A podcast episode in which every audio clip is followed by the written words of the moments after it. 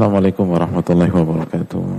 Alhamdulillah hamdan katsiran tayyiban mubarakan fi kama yuhibbu rabbuna wa yarda. Wassalatu wassalamu ala nabiyyina Muhammad wa ala alihi wa sahbihi wa man sara ala nahjihi bi ihsanin ila yaumil wa ba'd. Hadirin yang dirahmati oleh Allah Subhanahu wa taala, tidak ada kata yang pantas untuk kita ucapkan pada malam hari ini kecuali bersyukur kepada Allah atas segala nikmat dan karunia yang Allah berikan kepada kita. Salawat dan salam semoga senantiasa tercurahkan kepada junjungan kita Nabi kita Muhammadin sallallahu alaihi wasallam beserta para keluarga, para sahabat dan orang-orang yang istiqomah berjalan di bawah naungan sunnah beliau sampai hari kiamat kelak. Hadirin yang Allah muliakan dan semoga kita sama-sama diberikan keberkahan oleh Allah Tabaraka wa Ta'ala. Alhamdulillah kita kembali berkumpul setelah uh, Sabtu yang lalu uh, Allah kita harus liburkan kajian kita dan uh, berkaitan dengan Sabtu yang lalu uh, panitia berusaha tetap mengaitkan uh, kita semua atau antum semua dengan ilmu walaupun memang tidak uh, sempurna atau jauh dari kata sempurna, kita uh, atau panitia membuat uh, kuis uh, secara online uh, sebagai bahan murojaah. Uh, yang pertama, uh, terima kasih kepada teman-teman atau jamaah yang sudah berusaha mengikuti kuis tersebut. Tinggal uh, salah satu catatan penting bahwa yang mengikuti kuis itu belum belum sesuai dengan harapan kita.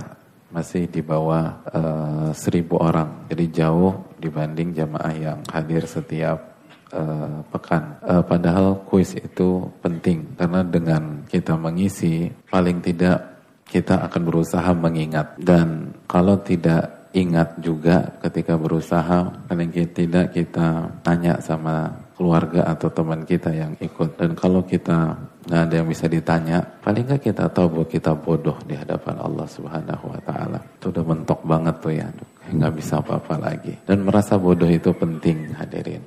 Merasa bodoh itu penting karena itu salah satu awal dari sebuah ketaatan kepada Al-Alim, Al-Khabir yang maha mengetahui. Jadi uh, alternatif seperti ini itu untuk jamaah semata setelah uh, semoga kita berharap keridoan dari Allah Subhanahu wa taala. Seru banget di belakang hadir. Ibu-ibu yang bawa bayi tolong dikondisikan.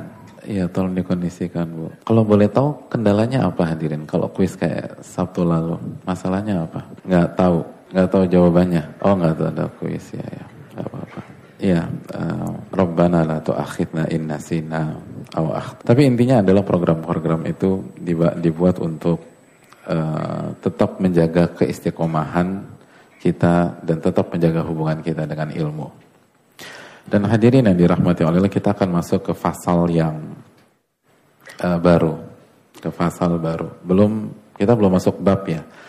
Kita masih membahas bab yang pertama tapi ada penekanan dan dimasukkan oleh penulis rahimahullah ke dalam sebuah pasal. Ya, eh, kita persilahkan Ustadz kita, Ustadz Cecep Hafidhullah untuk membaca. Bismillahirrahmanirrahim. Alhamdulillah, wassalatu wassalamu ala rasulillah. Nabiina Muhammadin wa alihi wa sahbihi wa mawalah amma ba'd. Qala al-musannifu rahimahullah wa rahima walidayhi wa masyaikhahu wa rahima al-muslimin ajma'in ahya'an wa amwatan. Faslun wa'alam أن جميع ما ذكر من فضيلة العلم والعلماء إنما هو في حق العلماء العاملين الأبرار المتقين Iya sampai di situ dulu. Alhamdulillah wassalatu wassalamu ala rasulillah. Berkata penulis rahimahullahu ta'ala, Wa'lam anna jami'a ma dhukir min fadilatil ilmi wal ulama' innama huwa fi haqqil ulama'il amilin al-abraril muttaqin. Ketahuilah pembaca, penulis mengajak bicara kita semua. Bahwa semua yang disampaikan dari keutamaan-keutamaan ilmu dan ulama. Semua yang disampaikan di bab satu ini mulai ilmu itu membuat kita diangkat oleh Allah Subhanahu wa taala yarfa'illahu alladhina amanu minkum walladhina utul ilma darajat Allah akan angkat derajat orang-orang yang beriman dan berilmu di antara kalian ulama adalah satu dari tiga pihak yang diberikan izin dan punya hak untuk membicarakan agama Allah Subhanahu wa taala. Syahidallahu annahu la ilaha illahu wal malaikatu wa ulul ilmi qa'iman bil qista.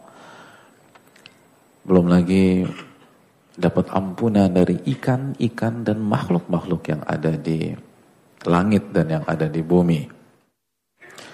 Semua keutamaan itu ternyata tidak diberikan kepada setiap orang-orang yang pintar agama. Enggak. Penulis mengatakan innama huwa fi haqqil ulama'il amilin al-abraril muttaqin semua keutamaan yang dipelajari dan dijelaskan oleh Allah dan Rasulnya Shallallahu Alaihi Wasallam itu ternyata hanya untuk ulama yang berusaha mengamalkan ilmunya. Ulama yang berusaha melakukan kebaikan demi kebaikan dan bertakwa kepada Allah semaksimal mungkin.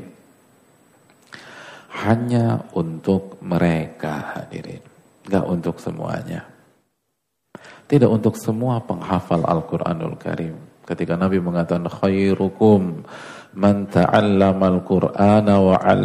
Sebaik-baik kalian adalah orang yang mempelajari Al-Qur'an dan mengajarkannya.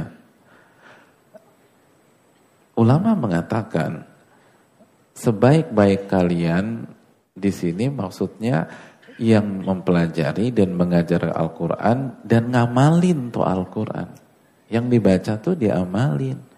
Gak ada gunanya antum baca Quran surat Al-Baqarah ayat 183 kayak Sudes kutiba alaikumus siyam kama kutiba alal ladhina min qablikum la'allakum tattaqun tapi begitu satu Ramadan antum nongkrong di warteg tanggal 2 rumah masakan Padang tanggal 3 masakan Palembang.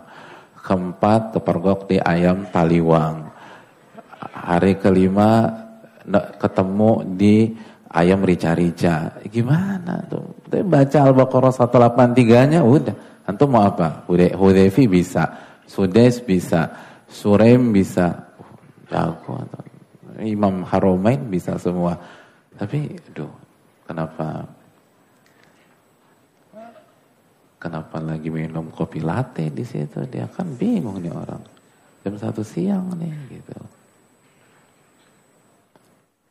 Gak ada artinya. Ngajar di mana-mana gitu hadirin.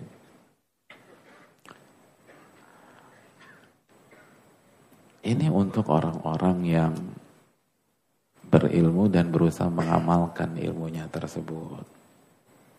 Orang-orang yang berusaha mengisi kehidupannya dengan kebaikan demi kebaikan. Dan ini hal yang sangat penting hadirin. Hal yang sangat penting. Makanya para ulama menekankan masalah ini. Ini menunjukkan bahwa ilmu kalau kita pelajari rajin ya datang ke kajian selalu hadir tapi nggak ada pengamalan, maka dia nggak akan dapatkan keutamaan-keutamaan menuntut ilmu yang disampaikan Allah dan Rasulnya. Tidak. Bahkan sebagian ulama dengan tegas seperti Al-Imam Syatibi, beliau mengatakan bahwa ilmu menjadi ibadah jika niatnya untuk diamalkan. Itu baru ibadah, kalau nggak bukan ibadah. Kalau tidak bukan ibadah. Itu dikatakan Imam Syatibi rahimahullah ta'ala salah satu ulama besar dari madhab Malikiyah.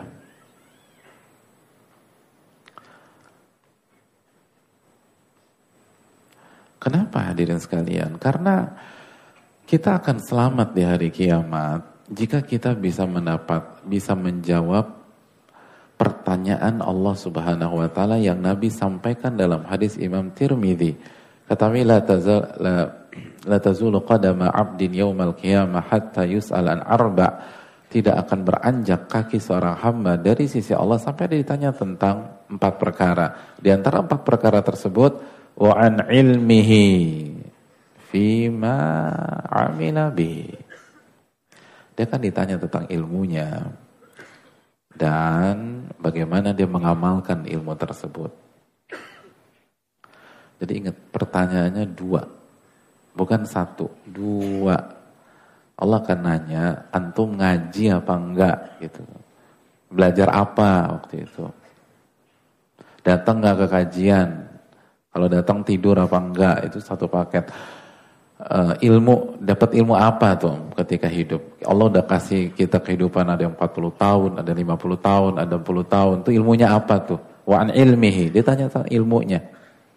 Udah nih, antum bisa lewatin Aku belajar tauhid ya Allah, aku belajar sunnah Nabi, aku belajar adab, aku belajar hukum salat.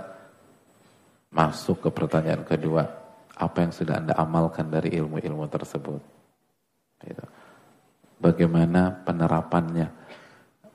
Ilmunya udah sampai halaman ke 70, pengamalanannya sampai halaman 70 apa enggak? Jangan sampai teori sampai 70, pengamalan sampai 17 ini nggak sinkron hadirin. Tidak sinkron. Jadi ditanya dua, ilmunya gimana nih? Terus gimana Anda amalkan? Apa yang udah diamalkan? Ditanya loh, atau datang kajian dua minggu yang lalu. Itu ditanya hari kiamat. Eh, udah diamalin belum tuh? Kajian dua minggu lalu. Alhamdulillah gue gak datang dua minggu lalu. Gue datangnya tiga minggu lalu. Yang datang tiga minggu lalu ditanya juga sama Allah. Yang datang tiga minggu lalu ditanya tuh. Udah diamanin belum kan tiga minggu lalu? Gitu. Oh kalau gitu gue gak pernah datang aja gitu. Kalau kita gak pernah datang, kenanya di pertanyaan pertama. Wa'an ilmihi. Ditanya tentang ilmunya. Dia kan ditanya tentang ilmunya. Dia akan ditanya tentang ilmunya. Kenapa nggak punya waktu untuk ngaji? Talabul ilmi faridatun ala kulli muslim. Menuntut ilmu agama hukumnya wajib bagi setiap muslim. Kena tuh. Wajib. Begitu datang, next. Gimana pengamalannya? Apa yang udah diamalkan? Ustadznya ngomong apa, terus gimana prakteknya? Kalau enggak, enggak akan selamat pada hari kiamat. Wa an ilmihi fima amila bih. Dalam riwayat fima fa'ala bih. Apa yang sudah diamalkan? Apa yang sudah diamalkan? Makanya konsep para sahabat sebagaimana yang termaktub di dalam muqaddimah tafsir dan buku-buku ulumu tafsir yang lain mereka mempelajari asyra ayat 10 ayat dari Al-Quran la yujawizuhun dan setiap mereka setiap para sahabat tidak akan melangkah ke ayat ke-11 sampai setelah hatam dalam sisi pembelajaran dan pengamalan. Gitu. Jadi hadirin yang dirahmati Allah, dia dipelajari 10 ayat tersebut lalu diamalin deh lalu diamalin. Itu konsepnya para sahabat. Kan kita e, berusaha mengikuti para sahabat. Nah itu konsepnya. Artinya intinya bukan banyak-banyakan ngaji hadirin. Tapi bagaimana ilmu dan amal berjalan paralel. Berjalan selaras.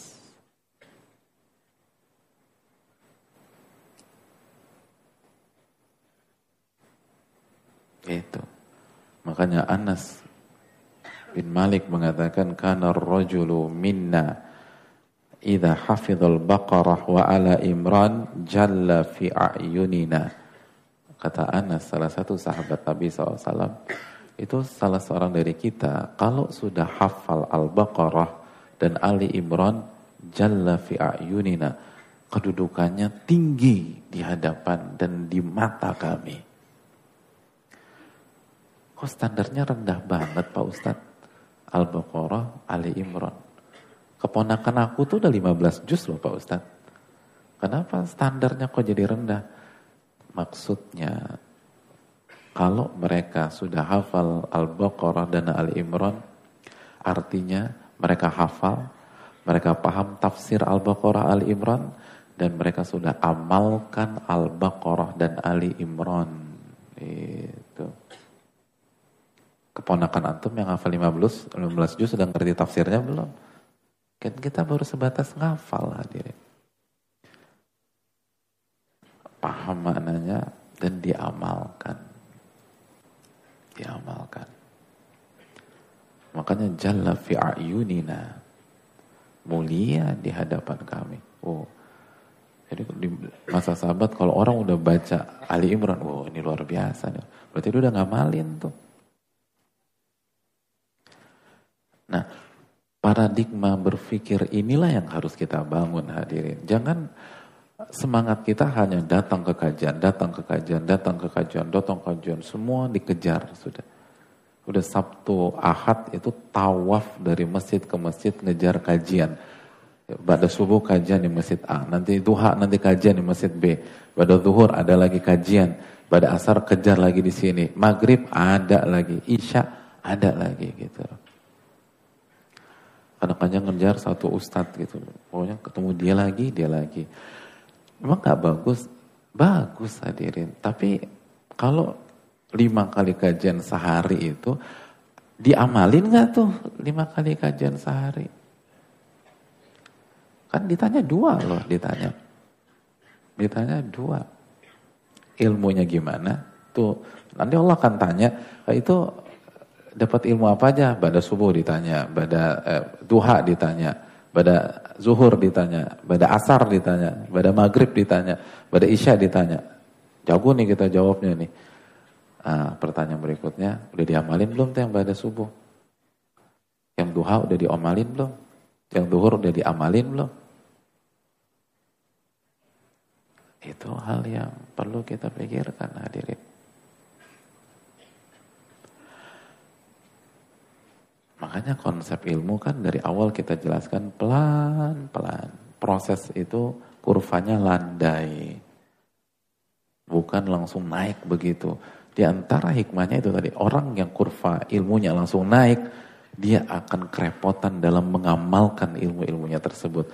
Mungkin otaknya jago, tapi hatinya kuat nggak ngamalin itu semua? Karena dua pertanyaan dalam satu paket. Yang harus kita camkan bagaimana implementasi dalam ilmu. Bagaimana mengejawantahkan ilmu yang kita pelajari di kajian ke dalam kehidupan kita sehari-hari. Dan itulah manhajnya para sahabat radhiyallahu taala anhum ajmain hadirin.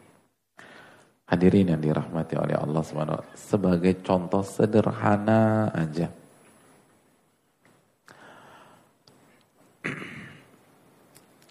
Hadirin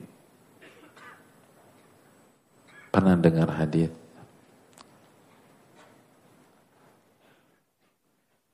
atau siapa yang hafal hadis tentang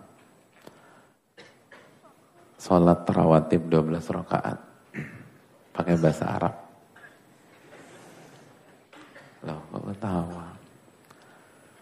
Kenapa pakai bahasa Arab? Kalau saya bilang pakai bahasa Spanyol, nanti ketawa. Bahasa Arab wajar orang Nabi kita orang Arab hadirin. Hah, bahasa bahasa Arab nggak bisa. Akhwat ada nggak? Akhwat nggak ada? Oh ada, oh kalah. Ya, ya silakan.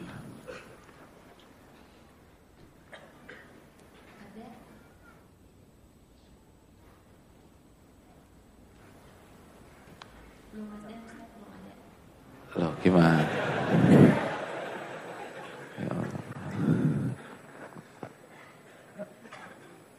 Kantum senang banget sih Afat nggak ada. Awalnya kita udah merasa terpukul ya. Ada bahasa Indonesia siapa yang hafal? Pakai bahasa Indonesia deh. Enggak, Ikhwan dulu itu kesempatan udah lewat. Ikhwan ada enggak? Antum?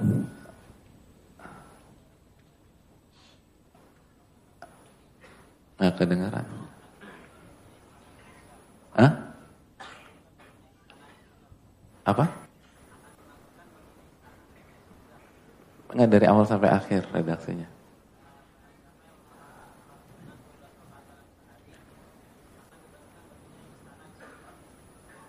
Iya, jazakallah khair. Akhwat apa? Makasih. Hadiah.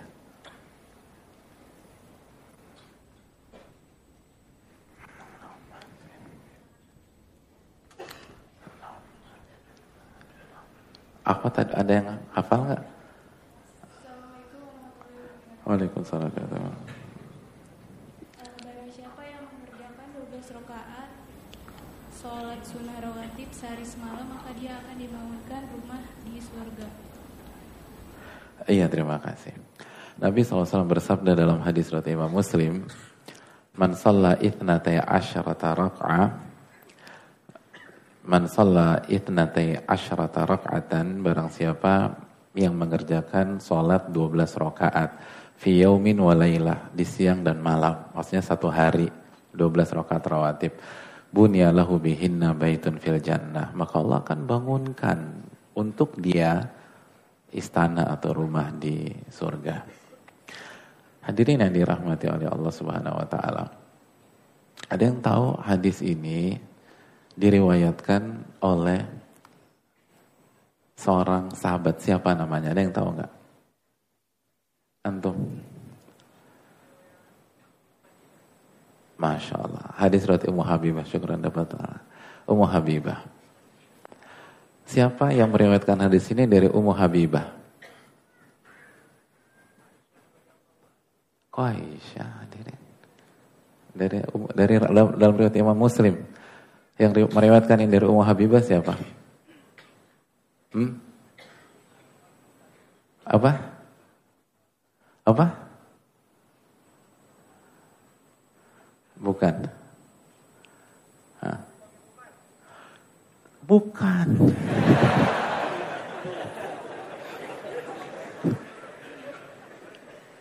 Soalnya semangat banget beliau. Kasih hadiah. Semangatnya itu penting buat kita. Ya, benar salah itu urusan belakangan. Namanya juga belajar. Ya. Tapi kenapa antum pede banget gitu? Kenapa begitu yakin? Ya, laki-laki itu gertakannya dulu yang harus nanti belakangan. Kalau nggak repot hidup di Jakarta. Ya. yang meriwayatkan dari Ummu Habibah siapa? Uh, tatap mata saya, tatap mata. So, nggak jangan lihat gadget dong. Antum yang nggak lihat gadget. Bukan. Iya, Anbas bin Abi Sufyan dapat hadiah. Yang meriwayatkan dari Anbas bin Abi Sufyan. Hmm. Amr bin Aus. Yang meriwayatkan dari Amr.